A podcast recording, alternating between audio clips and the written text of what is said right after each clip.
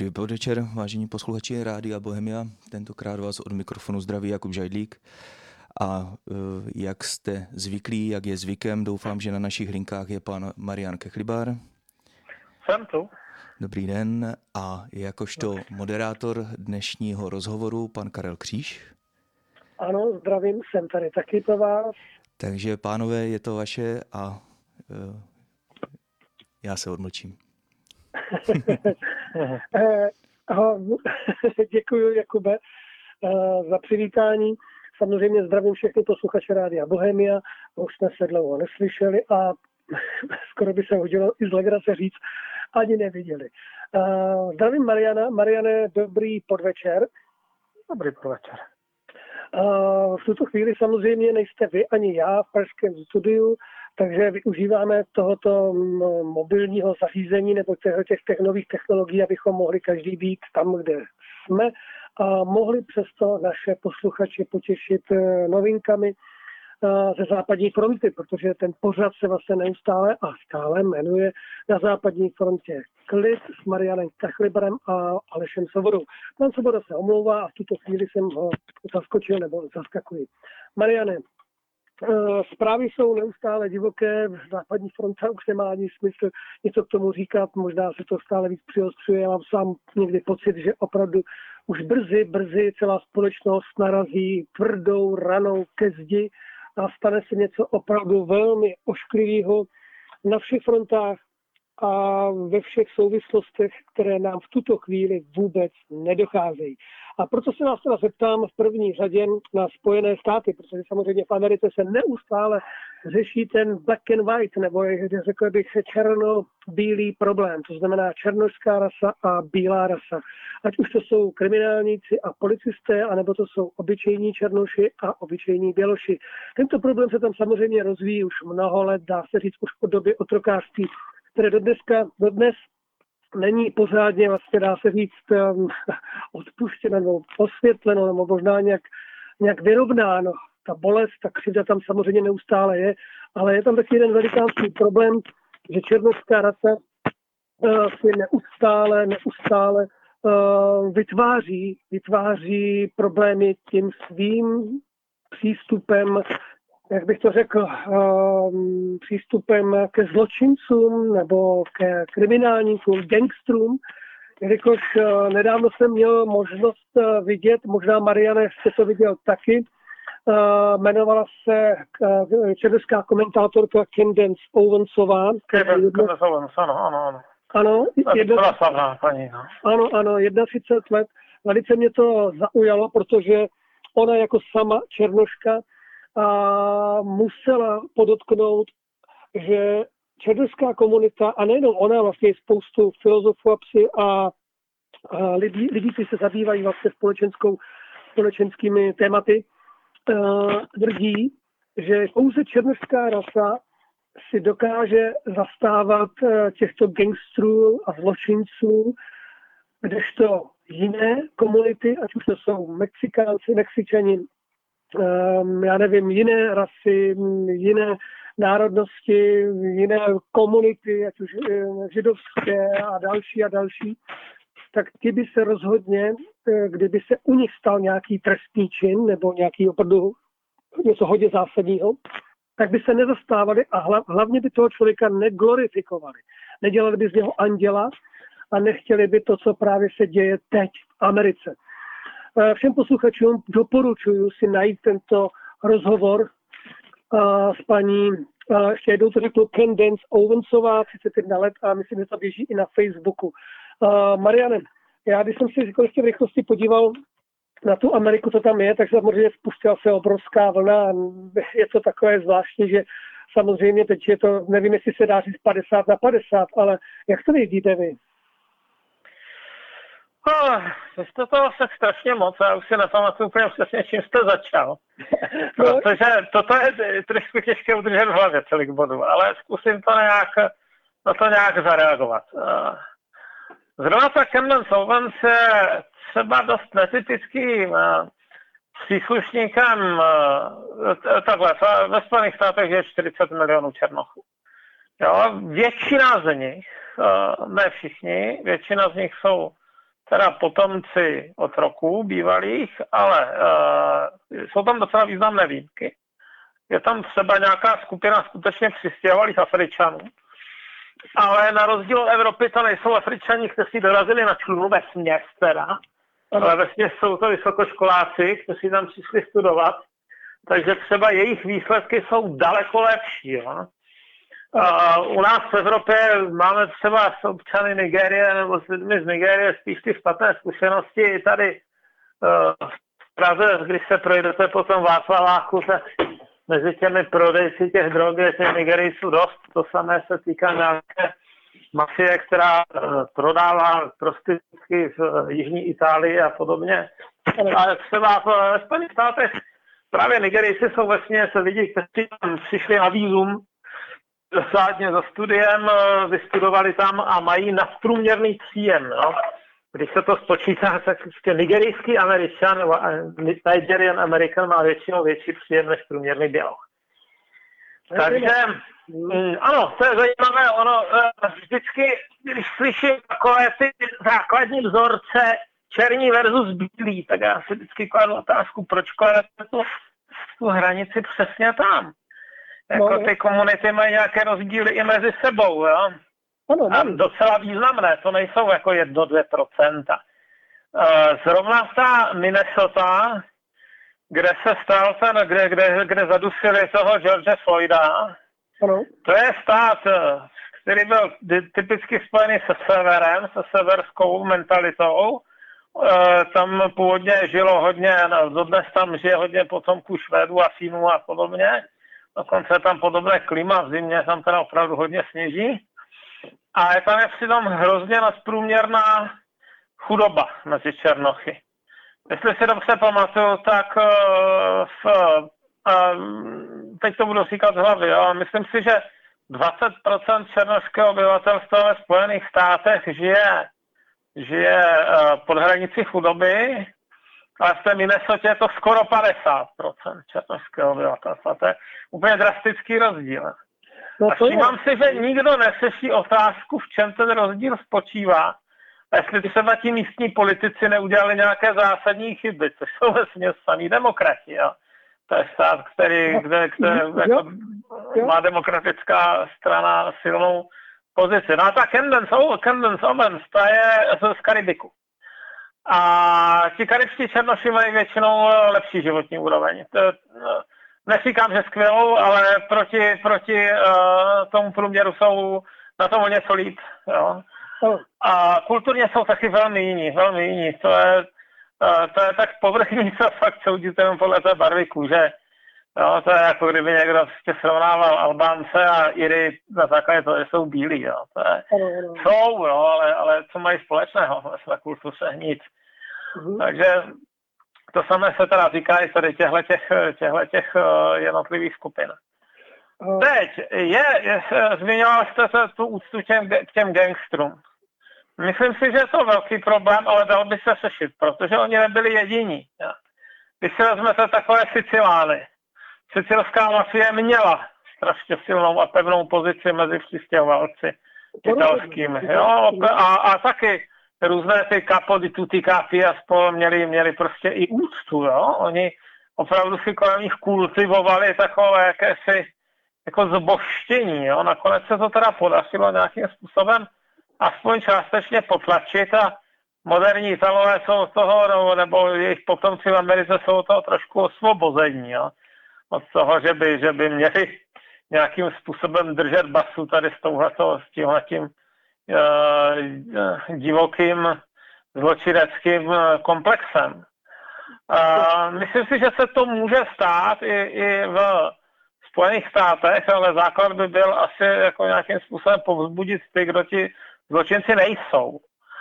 A k tomu si myslím, že to zboštění téhle současné oběti, která měla za sebou tam vyhrožování eh, těhotné ženě s silnou zbraní, to, to, to přece jako není dobrý člověk.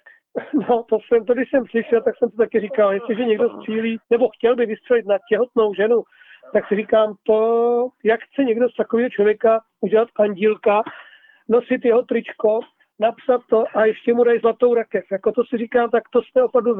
To je paradox nad paradoxem. A snad i selský rozum, a možná selský rozum funguje jenom v Čechách, nebo jenom v některých zemích, nebo v některých částech. Víte co, ty země se to musí naučit. Když si vezmete třeba irské teroristy, ti byli strašně glorifikovaní. Hmm. Jo, kolem pohřbů těch různých vrahů se scházely celé komunity a, a kněží je chválili a to, to, to bylo hrozné. No. A samozřejmě ta země tím trpěla, no, tak nemohla se odprostit od, od toho, že má nějakou násilnou strukturu, která je tam všudy přítomná, kterou, která bohužel přitahuje určitý typ mladých a teprve, teprve když se začali dívat na svět trochu jinak, tak tak ty bomby přestaly a útoky a dokázal tam vzniknout nějaký aspoň vachrolatý, ale mír. Uh, nevím, ne, myslím si ale, že, že uh, nezodpovědně, krajně nezodpovědné od politiků, že tady tohle uctívání toho Floyda podporují. To je prostě špatný vzor pro mládež. To no. nikomu bych nedoporučoval, aby šel jeho cestou. No, rozhodně. Mariane, možná se zaregistroval, že mě teda hodně překvapilo, že podobnou, podobnou náladu si vlastně um, lidé mohli vypozorovat i v Praze nebo v jiných státech, kde se vlastně přidali k těmto demonstracím proti rasismu a vlastně si přiřáli si svůj nějaký, jak by se řekl, možná někdy i volební program nebo možná nějakou, nějaký návrh, nějaké různé komunity, různá občanská združení, různé spolky a přidali se k tomu, k tomu že podpořili vlastně Spojené státy nebo ty, ty protesty ve Spojených státech, což mě překvapuje, protože třeba v Praze si říkám, co oni o tom vědí, nebo jakým způsobem, jako proč to tahají až sem, nebo do jiných zemí. Je to velice zvláštní a opravdu věřím tomu, že pravděpodobně by mohla být zase to situace, že se bude mluvit před Floydem a po Floydovi. Co vy na to? No, tak to v současné chvíli skutečně vypadá. Uh, myslím si, že zase bych ne, nedělal velké závěry z toho, že, že se v Londýně a v Praze a v Poznaní a ve Vilniusu uh, scházeli, scházeli lidi, jak křičeli hands up, don't shoot. Jo. To je asi podobné, jako když si někdo vezme kimono a považuje se za japonského velmistra. To, to, je, to, je zajímavé, že zrovna ta levice tak posedlá, posedlá tím pojmem tak kulturní apropriace, že někdo přebírá něco kulturního, co mu nenáleží, jo, typu indiánské eh, čelenky. Toto je maximální kulturní apropriace. Když se, když se sněhovílí studenti, kterým fakt nic nehrozí, sejdou v, v zemi, kde, kde policie vystřelí jednou za rok a na ty přítomné, na ty přítomné policajty, které tak s klidem sledují, říkají, že hands up, don't shoot a podobné výkřiky. Je. Mm, to se to a... křičí, ano, to se to křičí. Marian, já vám ještě do toho skočím, protože samozřejmě sice se totiž zmínil o těch extrémně chudých částech eh, eh, částech, já bych to řekl, geta nebo možná města. Klidně tam říkáme geta, no, jsou to geta. No, uh, jak je to vůbec možné, že v současné době tak, takhle drsná chudoba vlastně ve Spojených státech, jestli tohle to není tou příčinou, že kdyby třeba nebyli tak chudí a mohli mít, já nevím, práci, školu a tak dále. A nebo je to už jako v jejich nějaké mentalitě, charakteru, že se nechtějí zaměstnat, nechtějí se učit a tím pádem stát to vzdal a nechává je teda na pokraji té chudoby. Já musím přiznat, že tomu ani posádně nerozumím. A ona, jedna věc je, že hodně lidí tam má záznam z rejstříku trestu a který se často týká drog. A v Americe je poměrně obtížné dosáhnout toho, že by vám to z toho uh, seznamu vymazali. Jo, takhle. No, když jste jednou felon, neboli člověk odsouzený za zločin, tady nikoli přečin, misdemeanor, ale felony, tak to v zásadě o sobě musíte říkat doživotně.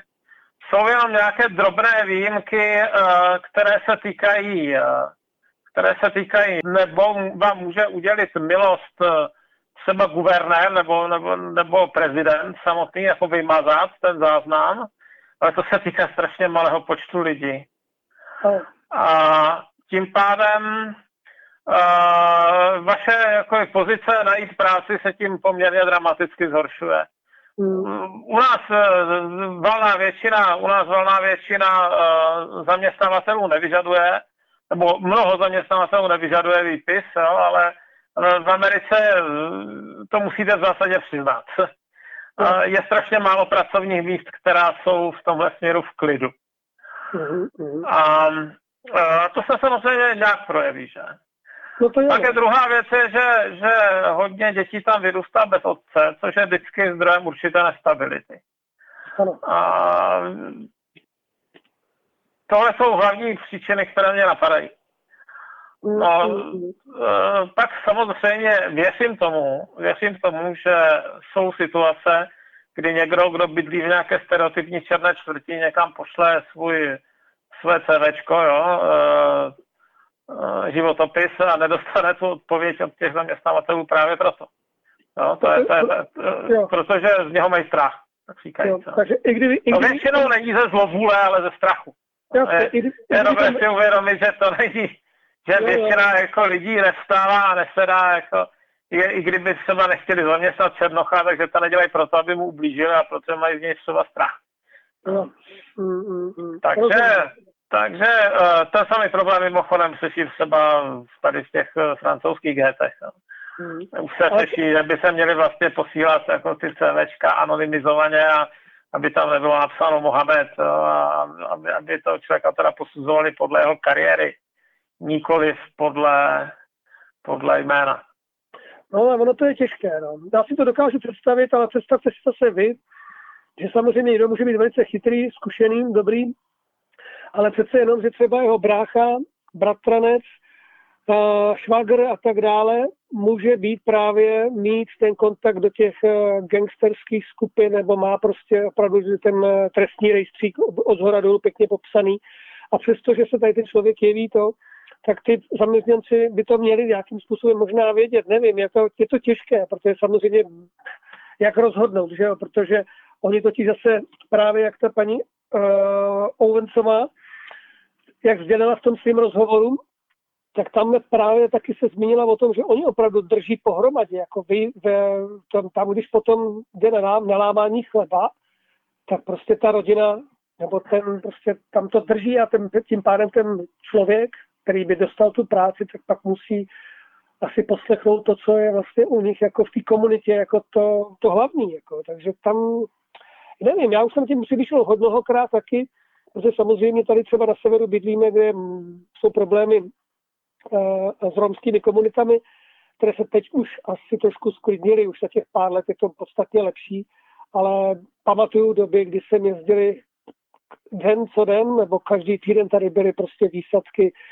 policie z Prahy obrovský, obrovský. Jako, takže představit si, že tady to se děje v Americe dnes a denně a každý rok, pořád. Tak nevím, nevím, no, jak se to, jak to vyřešit. Přesto ale ta situace je vyhrocená, takže vy sám osobně vidíte v toho nějakou cestu ven? Konkrétně máte nějaký třeba nápad, co jste vystudoval nebo viděl, co byste mohl říct?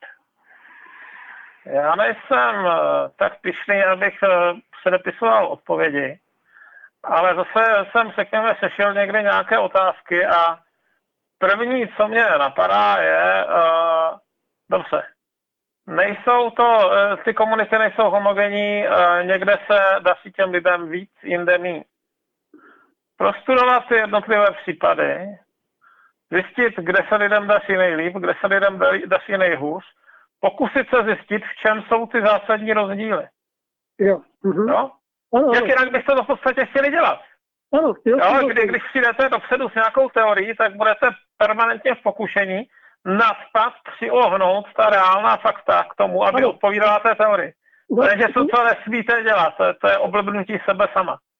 No, jediná, čeho si myslím, že je rozumné začít je srovnávat ty místa, kde se daří líp a ty místa, jo. kde se daří hůř a, a zkusit zjistit, čem se ty dvě, dvě místa liší, nebo ty mhm. dvě množiny míst prostě to rozklíčovat. Rozklíčovat ten problém úplně do zárodku, kde to tam prostě je problém a snažit se ten problém samozřejmě potom vyléčit, uzdravit, protože e, myslím si, že každá ta nová generace těch e, malých dětí a těch nových lidí by mohla postupně vlastně vyrůstat úplně novým způsobem a mít k tomu nový přístup, protože tak to prostě je, tak by to mohlo fungovat. No. No, tak budeme jim to asi přát, no, takže nevím, jestli... Kež by se tak stalo, no.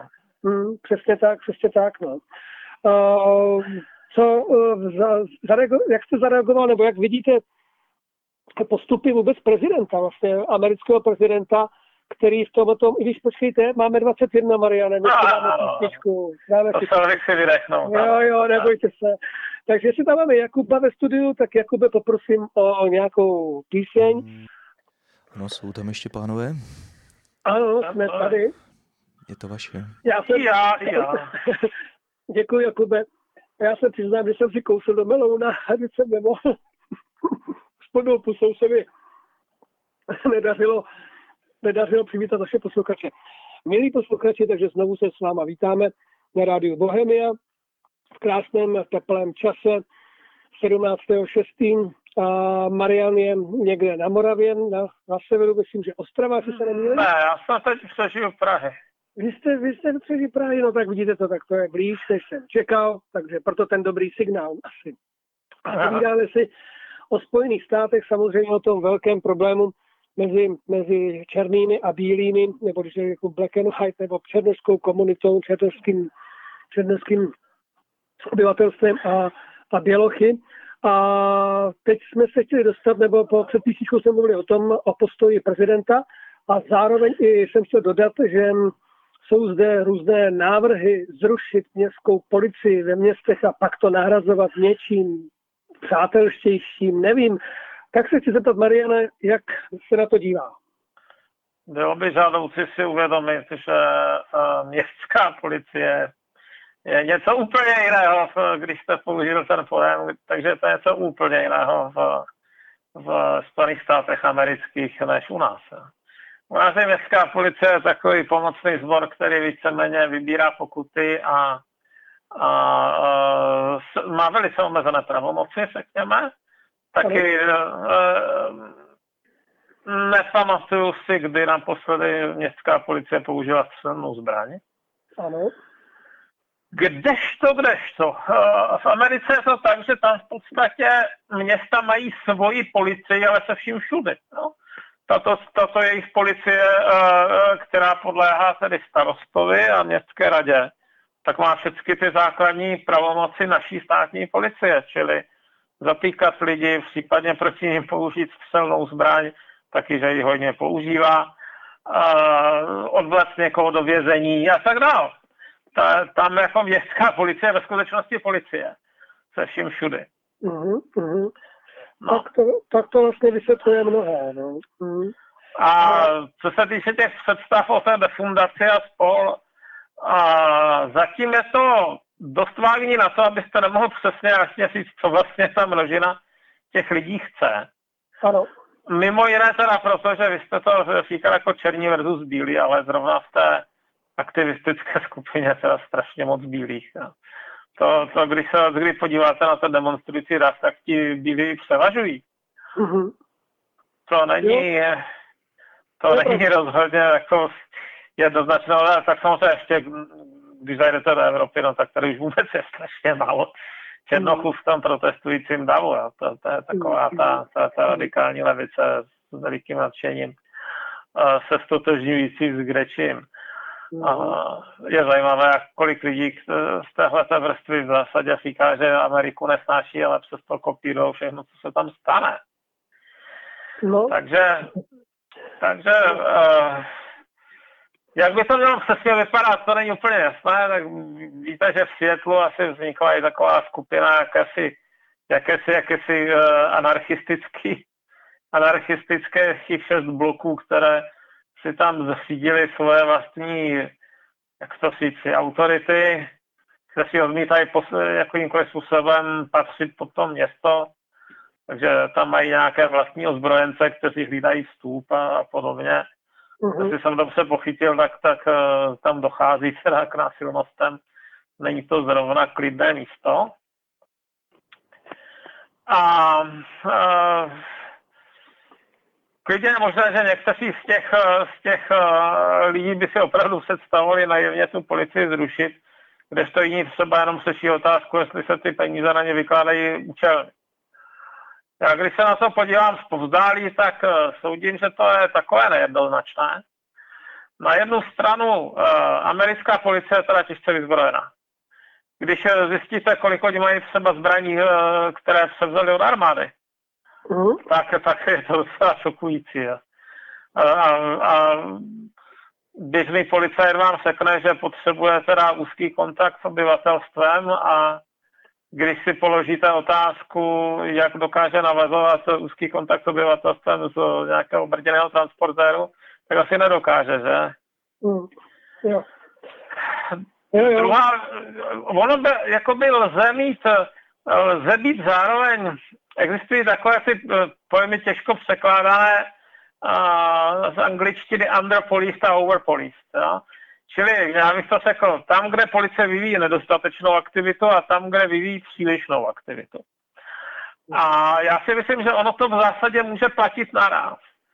Že třeba máte situaci, kdy se ta policie nestará o drobnější záležitosti, typu v úvozovkách jenom přepadení, v úvozovkách, a když se tam teda stane něco vážného, nějaká vražda a podobně, tak tam najednou vletí teda se zástupem, se zástupem těžce vyzbrojených mužů, který si nedokáže získat, řekněme, uh, osobní důvěru obyvatel. No. Hmm. Takže určitě si myslím, že když by se na to teda hledělo racionálně a bez hysterie, takže by se mohly najít nějaké způsoby, jak, jak tu policejní praxi se v těch problémových čtvrtích nějak vylepšit. No tak, aby ti policajti tam nebyli vnímáni jako nepřátelé, dejme tomu, ale aby byli daleko víc přítomní, aby třeba uh, byli u řešení těch věcí, které se jeví jako drobnější, jako jsou třeba nějaká ta vloupání, mě, na která ve skutečnosti těm obyvatelům docela vážně vadí. No, ale, ale uh, myslím si, že o takovou, řekněme, zdvořilou a, a produktivní debatu není v té současné atmosféře vůbec zájem. Tam jde o to, jako o nějaký morál, moralizující triumf. Jo, já jsem dobrý a ty jsi špatný. A, a co kdyby byl špatný? Úplně odporný. Mm. A, a nechceš být úplně odporný, tak budeš souhlasit se vším, co řeknu do poslední čárky a mrtě. A to ne tiše, ale na hlas. A pokud ty seš tak ve skutečnosti spolupracuješ s nepřítelem to je to heslo silence is violence, že? že ten, kdo jako aktivně se nepostaví na stranu nějakého boje, tak ve skutečnosti pomáhá těm utlačovatelům. No tak eh, to, to je, to je ta upřímně řečená atmosféra, která se mi naprosto hnusí, které bych se snažil vyhnout být američanem, pokud by mě nepostihla, když už bych, a tady jako se těmi o ní mluvím velmi kriticky. Uh-huh. Nevěřím totiž, že z ní půjde něco dobrého. Uh-huh, uh-huh. Kromě okamžitého bezprostředního pocitu sebeuspokojení těch lidí, kteří se na někoho vyslovili. Nevěřím, že z toho budou nějaké produktivní mm, mm. No, myslím, že to bude ještě velice zajímavé, že se, mm, že se ještě mnohé věci vlastně ukážou a samozřejmě uh, možná se by už budou takové překvapivé, překvapivé rozhodnutí nejenom vlastně z vlády a ze samostatných nebo ze samostatných měst, kde, kde zvažují nezvažují, že uh, policii uh, buď to zruší, anebo prostě změní v nějaký jiný model, tak možná to bude ještě téma pro další vysílání. Ale v tuto chvíli uh, by možná bylo dobré, abychom opustili Ameriku, pokud vy sám už teda něco tam nechcete vyzdvihnout, a mohli bychom se podívat... Tam je málo co vyzdvihnout. Jo, jo, Spousta těch témat je spíš jako na, na hození do jímky, jo, no, téma no, pro lidi, ale Pojďme. Uh, respektive jejich chování, no, to je, tam tak. fakt nevidím, nevidím nějakou upřímnou snahu o zlepšení situace. Hmm. Myslím si, že teď jak vidíme evropskou uh, část, nebo spíš ten náš kontinent, tak uh, to nám to bude blížší a samozřejmě se nás to dotýká daleko více. Uh, v první řadě bychom mohli říci, něco o Brexitu. Samozřejmě už všechno proběhlo, dějí se další ale věci, se to tam ještě rozehřívá. Eh, Evropská unie samozřejmě chce své, nebo chce ještě pořád nějakým způsobem přitlačit ke zdi, angličani jsou už naprosto rozhodnutí, tak jak to teda vidíme teď na těch zprávách na internetu. zajímalo by mě, co vy jste vysledoval mezi řádky nebo na západní frontě právě tam, kde nás teď může zajímat ten nejnovější o Brexitu a jak se k tomu staví Evropská unie, nebo co se chystá proti Británii, nebo co chystá Británie i vůči ostatním státům. Hrozí se cly a tak dál, ale zatím nevíme. No tak eh, všechno, co, co se děje, no, myslím si, že poněkud eh, zaniká té ekonomické krizi a jejich následcích, které se seší. Mm-hmm. A, tak eh, poněkud zaniká otázka uh, Brexitu, který se pomalu jistě šine k no deal podobě. Mm-hmm. Tam je, tam řekněme, teď v současné době běží takzvané přechodné období, protože uh, Velká Británie oficiálně opustila Evropskou unii, ale dali si nějaké roční přechodové období, které které v průběhu něhož by se měly dohodnout další standardy, řekněme, obchodu a další spolupráce mezi Velkou Británií a tím zbytkem EU. Mm-hmm. Ale ono to bylo vždycky poněkud eh, nejisté, protože eh, Evropská unie má docela problém vyjednávat vzhledem k tomu, jak je heterogenní. V současné době je tam 27 členských států, navíc do některých těch věcí mají i nějaké mm, právo zasahovat třeba místní parlamenty v Belgii, jako třeba vlámský valonský parlament, eh, let kdy hlasuje o smlouvách. No, a to je, eh, to znamená, že je dost těžké eh, dohodnout se, dejme tomu, na společném znění smluv, které by odráželo tu skutečnou, skutečné zájmy všech. Skoro vždycky to někdo nějakým způsobem odtrpí. No. no. A prakticky se to nakonec obvykle seší tak, že, že příslušná, že nějaké země, které zásadně protestují proti něčemu, no tak eh, dojdou k názoru, že, že to vyhandlují za něco jiného. No. Hmm. Jdeme tomu, tentokrát se smíří s tím a oním a nebudou to, nebudou to torpédovat celé to vyjednávání ale eh, že uh, zase dostanou při nějakém vyjednávání nějaké jako lízátko, abych to tak řekl, výměnou. Nicméně jeden z důsledků je, že to jedná, vyjednávání o vzájemných obchodních vztazích trvá strašně dlouho. Uh, uh, rok je strašně optimistický termín. Když se podívám třeba na, na, tu, na tu CETu, na jednání mezi Kanadou a a Spojenými státy, teda mezi EU, to trvalo docela dlouho. To, myslím si, že poprvé ohlásili svůj zájem, uh, zájem uh, nebo začátek těch, těch vyjednávání, že zahájili v, já se s vámi podívám, květen 2009, ano, dokonce to bylo v Praze. A konec vyjednávání byl uh, 2014 a ještě to ani nestoupilo v platnost. Jo? Od no. té doby uh, se ještě ani uh, nedohodly všechny evropské státy, že s tím souhlasí. Uh, takže vidíte, vidíte, jaká je zhruba ta časová škála.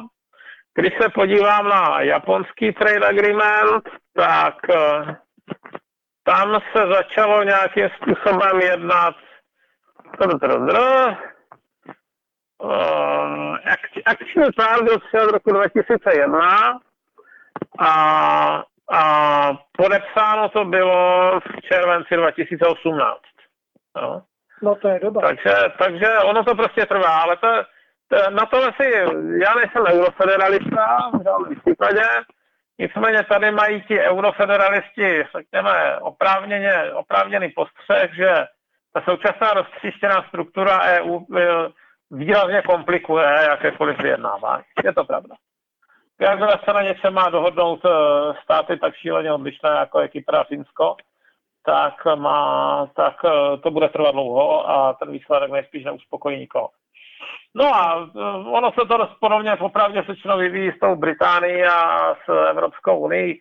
Taky v těch zásadních věcech jako by nedocházelo k žádnému posunu, jako je třeba rybářský sektor, a ti Britové jako národ, národ námořní se docela fixují na otázku moře a toho, jaké práva a povinnosti budou mít lodě plující v jejich okolí, že? Pro ně to, pro ně to moře je součástí jejich národní identity a na něm právě skrz námořní obchod a námořní mocnosti si vybudovali svoji, svoji říši kdysi, takže jsou samozřejmě na to opatrní.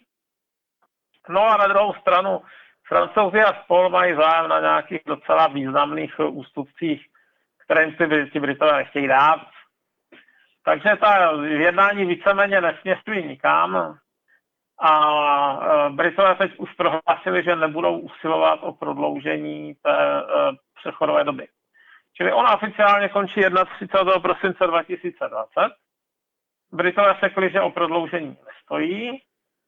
A e, je dost pravděpodobné, že ta EU, která vyjednává týmem, který, který vede Michel Barnier, o to taky, kdo ví, jak stát nebude.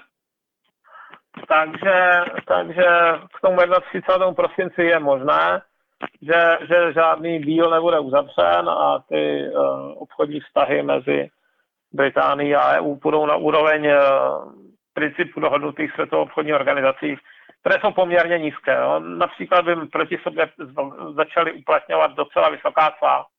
Nemýlím se, tak třeba na auta by to bylo asi 10%, to už se docela pozná. Na no, prodejnosti takového modelu, na mléčné výrobky snad dokonce 30%. Asi tam můžeme čekat, že ta, že, že ta zóna svobodného obchodu skončí. Jo. Mm. No otázkou je, co to udělá vlastně s Velkou Británií. Samozřejmě mm, oni totiž, uh, jestli tady tím, a ještě když si k tomu přečteme uh, pandemii, nebo další, mm, kdyby měla zase na podzim přijít další krize koronaviru, tak se to může načíst a v tu chvíli to může mít veliko, vel, jako daleko sáhlé vlastně důsledky jak na jednu stranu, tak na druhou stranu. Že jo? To už teď vlastně evropské státy pocitují uh, díky uh, karanténě, díky koronaviru, že se ta ekonomika nenastartuje tak, jak by si přáli a hlavně, že se to nevrátí do toho, jak to bylo, že už to bude jenom jinak, ale neví se pořádně jak. Neví, je to pravda. Uh, myslím si, že nikdo nedokáže... Mariane, máme, no. máme, máme čas na písničku. Asi jo, asi, ano. Ano, a tak se vrátíme k A vrátíme se k tomu celkovému. Dobře, takže si nás slyší Jakub, tak uh, skladba nám dohrála. Já znovu zdravím všechny posluchače Rádia Bohemia. Uh, vítám vás při pořadu na západní frontě Klid s Marianem Kechlibarem a dnes ho doprovázím já, Karel Kříž. Uh, Mariane, uh, probrali jsme spolu Spojené státy, Brexit, ale Brexitem se vlastně dostáváme přesně k tomu problému, co jsme začali před písničkou. Že vlastně díky té pandemii nebo koronaviru, který se nám rozletl po celém světě a způsobil neočekávané zvraty a proměny v celé společnosti, uh, způsobuje to, že ať už eh, Brexit, to znamená ať už anglickou ekonomiku, tak samozřejmě ohrožuje i ekonomiku v každém státě, samozřejmě i u nás. A mnozí ekonomové a různí, různí prognostici a další eh, si pořád lámou hlavu, co by nám tak asi mohli říct, co nás čeká nebo nemine. A když se na to podíváme, nikdo moc neví. Jsou to takové sázky na nejistotu. A častokrát jsou dokonce až rozporuplné. A je fakt znát, že ve společnosti je divný, nevím, jestli říct strach nebo obavy. A přestože mm, lidi se uvolňují, chodí do restaurací, uvolňují se různé festivaly, možná lidi začnou cestovat, ale nelítají letadla, takže se nabízejí, nabízejí vlaky, ale těmi se nechce. Ale přesto je cítit, že lidé mm, v tom svém zvláštním stavu jako kdyby mm, nechtěli mm, utrácet nebo kdyby zvažovali, kam dát tu korunu, protože se obávají možná toho, co přijde. A tak raději šetří, a což samozřejmě té ekonomice nepomůže. Jak to vidíte vy? Nebo jak to pozorujete, Mariane, vy právě taky z toho vašeho pohledu, co se tady u nás a vlastně potažmo v celé Evropě děje? To, že lidi jsou opatrně považuji za naprosto přirozené. Vysloveně to schvaluju, byť si uvědomuji, že to, že to utrácení bude trošku chybět uh, ekonomice, to nepochybně. A druhá věc je, že, že uh, se ocitlo v těžké situaci hodně firm, včetně firm velmi důležitých, jako je třeba Lufthansa, která vyžaduje značnou podporu. Nemilím se, tak teď to nějakým způsobem zablokoval nějaký místní akcionář, ale to se ví, že bude snaha to přece jenom kolik oni chtěli, 9 miliard eur, jako docela, docela strašné peníze, že? No, to teda jo. Mhm. To, to, to byla opravdu mimořádně brutální částka, kterou chtěli. Mm-hmm. A dokonce to vypadá, že, že to německá vláda jim byla ochotná to dát. A tak samo zjistili, v, nebo ohlásil Macron, že bude podporovat eh, francouzský letecký a kosmický průmysl, který uh, samozřejmě pokleslo odbyt letadel. Myslím si, že byly období, kdy prodali snad nula letadel, jestli to bylo v Dubnu nebo kdy, tak, tak uh, kdo může dlouhodobě přežít s takhle pokleslou poptávkou, že? Mm. No a pro ty francouze je to extra znepokojivé, protože oni přece jenom se snaží si udržet nějakou, řekněme, nezávislou kosmickou uh, kapacitu na vynášení eh, satelitů a podobně. Oni mají nějaké svoje síly tamhle v, v Mali a, a v jiných, uh, jiných afrických státech a potřebují je podporovat z běžné dráhy. No a to znamená udržovat rakety Ariane, protože nechtějí spolehat na to, že by, že by museli být závislí na milosrdenství Rusů nebo Američanů s tím, že jim to tam někdo vynese. No, mm-hmm. taky, taky by chtěli asi zabránit špionáži, která by to jinak nepochybně provázela, nebo velmi pravděpodobně provázela. No jo, jenomže uh, ono už tak, ty, ta evropské kosmické aktivity jsou, řekněme, nerentabilní. A ono je do nich navázáno více, více zemí, to samozřejmě není pouze francouzský projekt, Ariane na to, na to přispívají Němci, na to přispívají Španělé, kde kdo, ale, ale a, je to drahé. Nezdá se, že by se to dalo nějakým zásadním způsobem zlevnit protože uh, těch startů je omezené množství a ty rakety nejsou, řekně začínají zastarávat. Teď je, teď je ve vývoji Ariane 6, že? A Ariane 6 by měla být tuším nejsi příští rok, já se schválně podívám. Byla tady tohle uspořádání, že, se, že si můžu rovnou něco na internetu. Takže eh, první zkušební let buď koncem roku 20 nebo začátkem roku 21, to ještě není úplně jisté. Ale ona už přitom z hlediska znovu použitelnosti a tak eh, bude zaostávat třeba za tím, co teď má SpaceX. Takže eh, hrozí, že by byla vlastně už v momentě svého uvedení do provozu zastaralá. No. A teď do toho samozřejmě přišla ještě ta koronavirová krize, která, která obecně ten průmysl letecký, eh, který je na to úzce navázaný, eh, poslal do deprese, no tak eh, budou do toho muset investovat víc. Airbus a spol, a to znamená, od koho dostanou ty peníze, no, od, od, od daňového poplatníka. A mm. takže, takže takovéhle problémy jsou v současnosti se řeší v EU i mimo ty nej, problémovější státy, jako Itálie a o té Itálii to se ani nemá cenu mluvit, nebo by to ani museli hodinu. Ne? Tam, tam, je, tam je ta krize asi nejhlubší ze všech těch velkých zemí EU a samozřejmě potřebovali by velké množství peněz víceméně darovat. Jenom tam malá, malá, malá vsuvka. Je ta krize no. v Itálii podle vás horší než v Řecku? Uh, Jo, myslím si, že ano, protože uh, je mnohem rozsáhlejší. tam se bavíme o jedné z největších ekonomik světa, jestli jsou teď sedmý nebo osmý, to ani nevím z hlavy. Eh, Řecko je maličké. Řecko, i kdyby, i kdyby zmizelo zítra z povrchu planety, což mu nepřeju, já mám Řecko rád, ale i kdyby zítra zmizelo z povrchu planety, tak ten ekonomický otřes nebude velký. Kdežto Itálie dostane se, dejme tomu, do platební neschopnosti, tak má opravdu velký problém VP. Jo. A na ní jsou, to, to, jsou, to jsou úplně řádově jiné částky než v případě Řecka. A to znamená o to větší problémy i pro jejich věřitele, což jsou třeba francouzské banky, španělské banky. A to by byla série tak státní krach Itálie by představoval ohromnou sérii otřesů, kterou by nemuseli přežít uh, ekonomické systémy sousedních zemí, nebo mohly by být uvrženy do stejné krize, jakou, jakou, mají, jakou by měla ta Itálie. Takže, mm-hmm. takže italský problém považuji za řádově horší a neumím si představit, co by se začalo dít. Myslíte si, že mm, to, co teď vlastně prožívá nejenom Evropa, ale teď to trošku, zkusím, trošku sáhnout do našich řad, prožíváme tady u nás, kdy se navyšuje schodek vlastně, mm, pro, nebo je tady návrh o navýšení schodku pro příští rok a tak dál.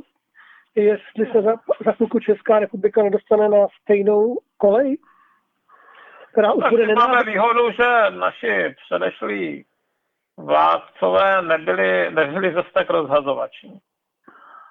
Sice jste viděl ty snahy, tam třeba u paní Maláčové neustále vymýšlet, co by se teda mohlo darovat jiným lidem, ale, ale neprosadila to, takže ty naše to naše současné zadlužení je snesitelné a máte to to samé jako, jako já nevím, no, jako když máte e, dejme tomu auto naložené, naložené z jedné třetiny a přiložíte do toho půltunový náklad, tak to asi ještě jde, ale pokud už bylo naložené na doraz, zkusíte tam, zkusíte tam naložit další půl tuny, tak uh, se vám začnou lámat lámat osy a bůh ví co, protože, Jasně, protože to zatížení bude příliš velké.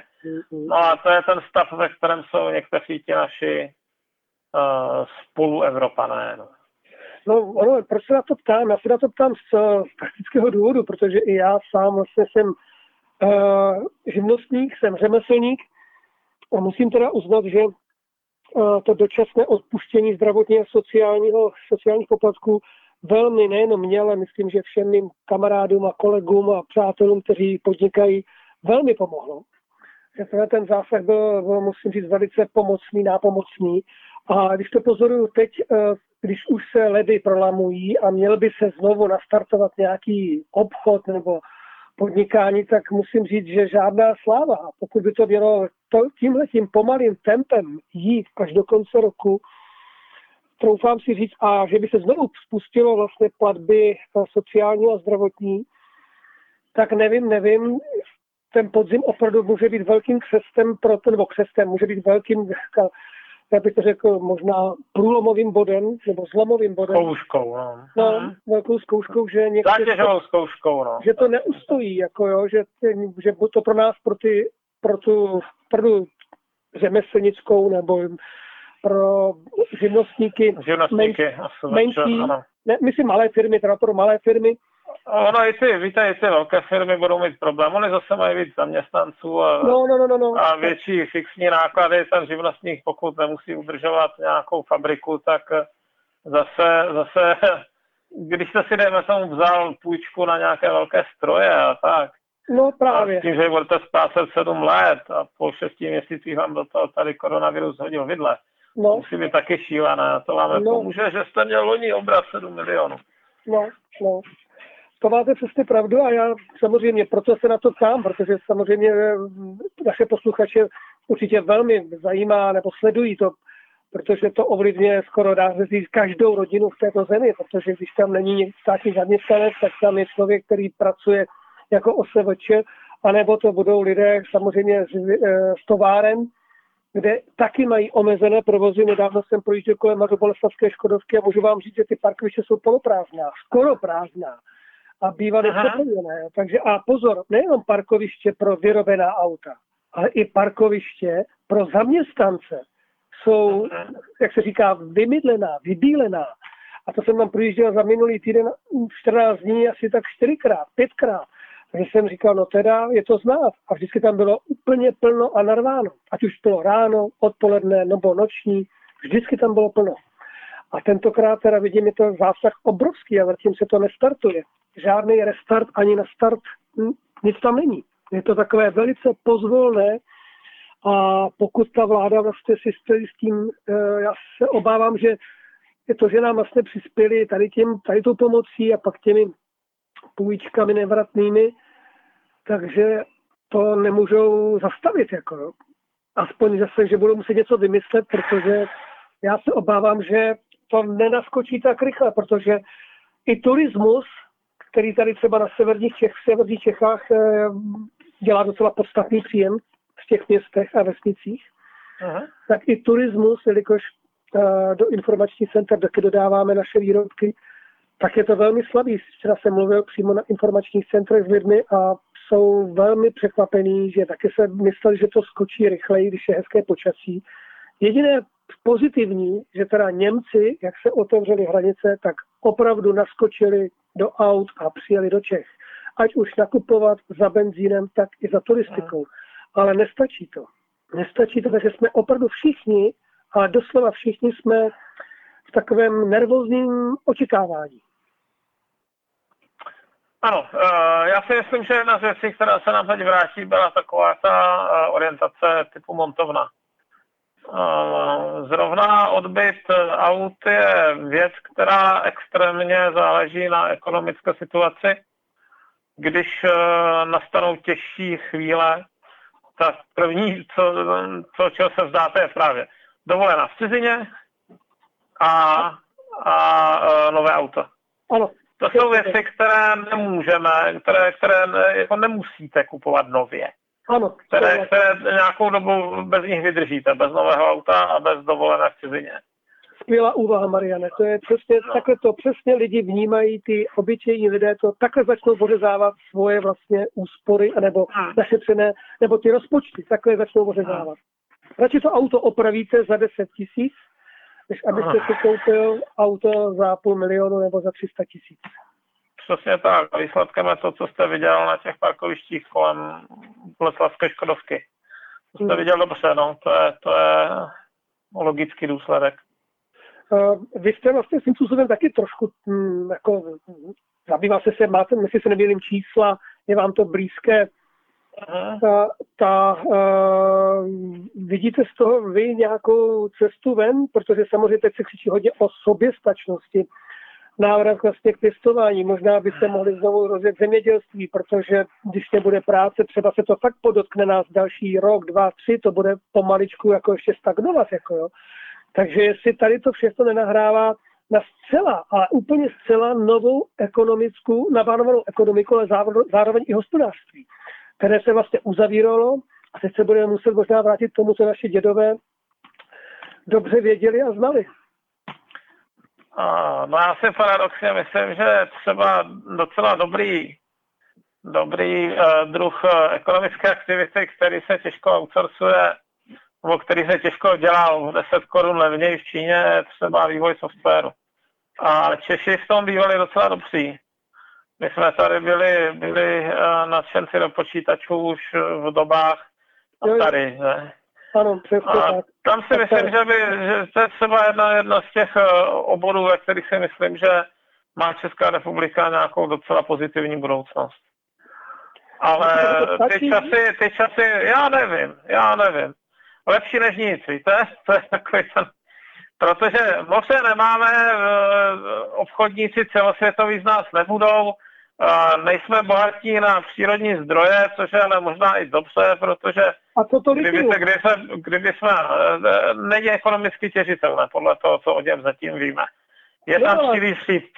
Ale počkejte, uh, to, to někdo tvrdí, že je ekonomicky jako náročné, ale ten někdo může mít jiné zájmy a pak se to prodá jako vždycky všechno tady v Čechách někomu pod rukou a my budeme jenom koukat s, uh, s ufňukaným nosem, jak jsme vlastně přišli o spoustu peněz, které by nám mohli vlastně, dá se říct, suplovat nebo vykompenzovat mnoho ztrát, které právě teď vlastně prožíváme, protože... No, podezření sice chápu, ale myslím si, že geologie je docela pevná věda.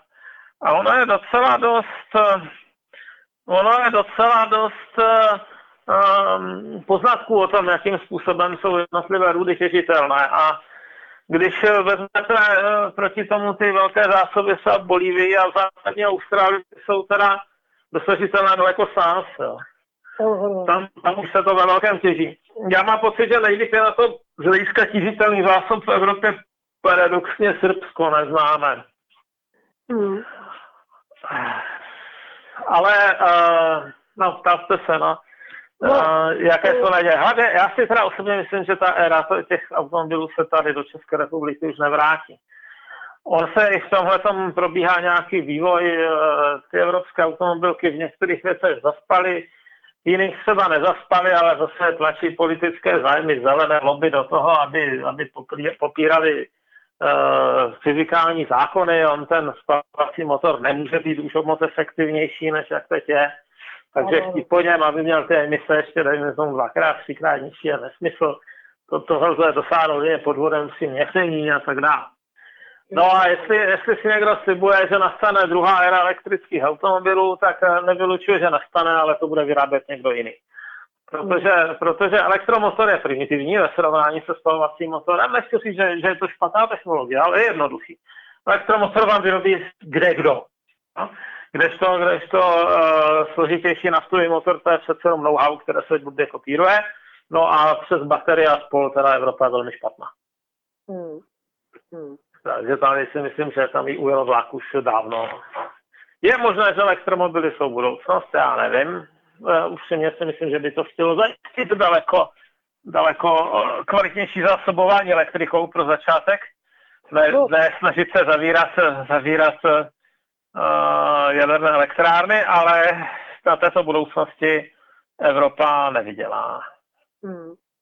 No ale to v tom opravdu uh, můžeme očekávat, že ty scénáře budou stále v ekonomickém jakoby odvětví um, kritické nebo budou docela dramatické, protože samozřejmě ty automobily v celé Evropě hrajou docela velkou roli. A když ty, kdyby ty je to pravda, je to pravda, když se podíváte na ty ekonomiky, které nějakým způsobem závisejí na, na produkci automobilů, tak je v podstatě víc. Jsou to třeba i Maďaři, že? Ano. Víte co, teď se ukáže, kdo je, kdo je jak schopný politik, protože toto je tedy vnější krize, hmm. kterou jsme si nevymysleli, ale která, která se stejně řešit musí a, a uvidíme, se to kdo zhostí. Hmm. Kolik lidí se zafixuje na slavnou minulost a nebudou schopni hledět nějakým způsobem dopředu, kolik lidí se bude snažit nahradit to půjčkami, kdo přijde na způsob, jak jít dál, nějak konstruktivně. No, bude to zajímavá doba. Bude to vyloženě zajímavá doba a jak už jsem někde slyšel, možná i vy jste to slyšel, že v příštích knihách dějepisu a možná i ve vašich dalším díle vašich knih budete psát jednou před koronavirem a po koronaviru. Aha. No uvidíme, no. Každopádně je to teda zátěžový test pro všechny zúčastněné státy od Ameriky až po Čínu. Přesně tak, přesně tak. Mariane, náš čas je prošel. Já vám moc krát děkuji za váš čas. Jsem rád, že jsme spolu pohovořili a samozřejmě se na vás budeme těšit v příštím vysílání na západní frontě klid, ať už naživo, anebo takhle na dálku. Eh, mějte krásné dny, ať se vám daří a milí posluchači, vám všem přeju, aby jsme to zvládli, abychom našli ty cesty kudy a jak dál. A samozřejmě byli při nejmenším ještě ostražitý a bdělí, protože není nic lepšího, než být uh, aspoň trošičku, trošičku připravený, uh, kdyby se stala situace ještě horší. Nepřeju to nikomu z nás, ale naši vládcové se chovají divně a nevím, jestli věřit jim, ale spíš bych řekl, věřme sami sobě a postarejme se o sebe, jak jen to můžeme udělat v tuto chvíli. Mariane, nashledanou, mějte se krásně, ať se daří. Nashledanou. Nashledanou, milí posluchači, a předávám slovo do studia Jakubovi Zajdlíkovi. Loučím se s váma a opět někdy příště na rádio Bohemia. Se srdečným pozdravím, Karel Kříž vám všem.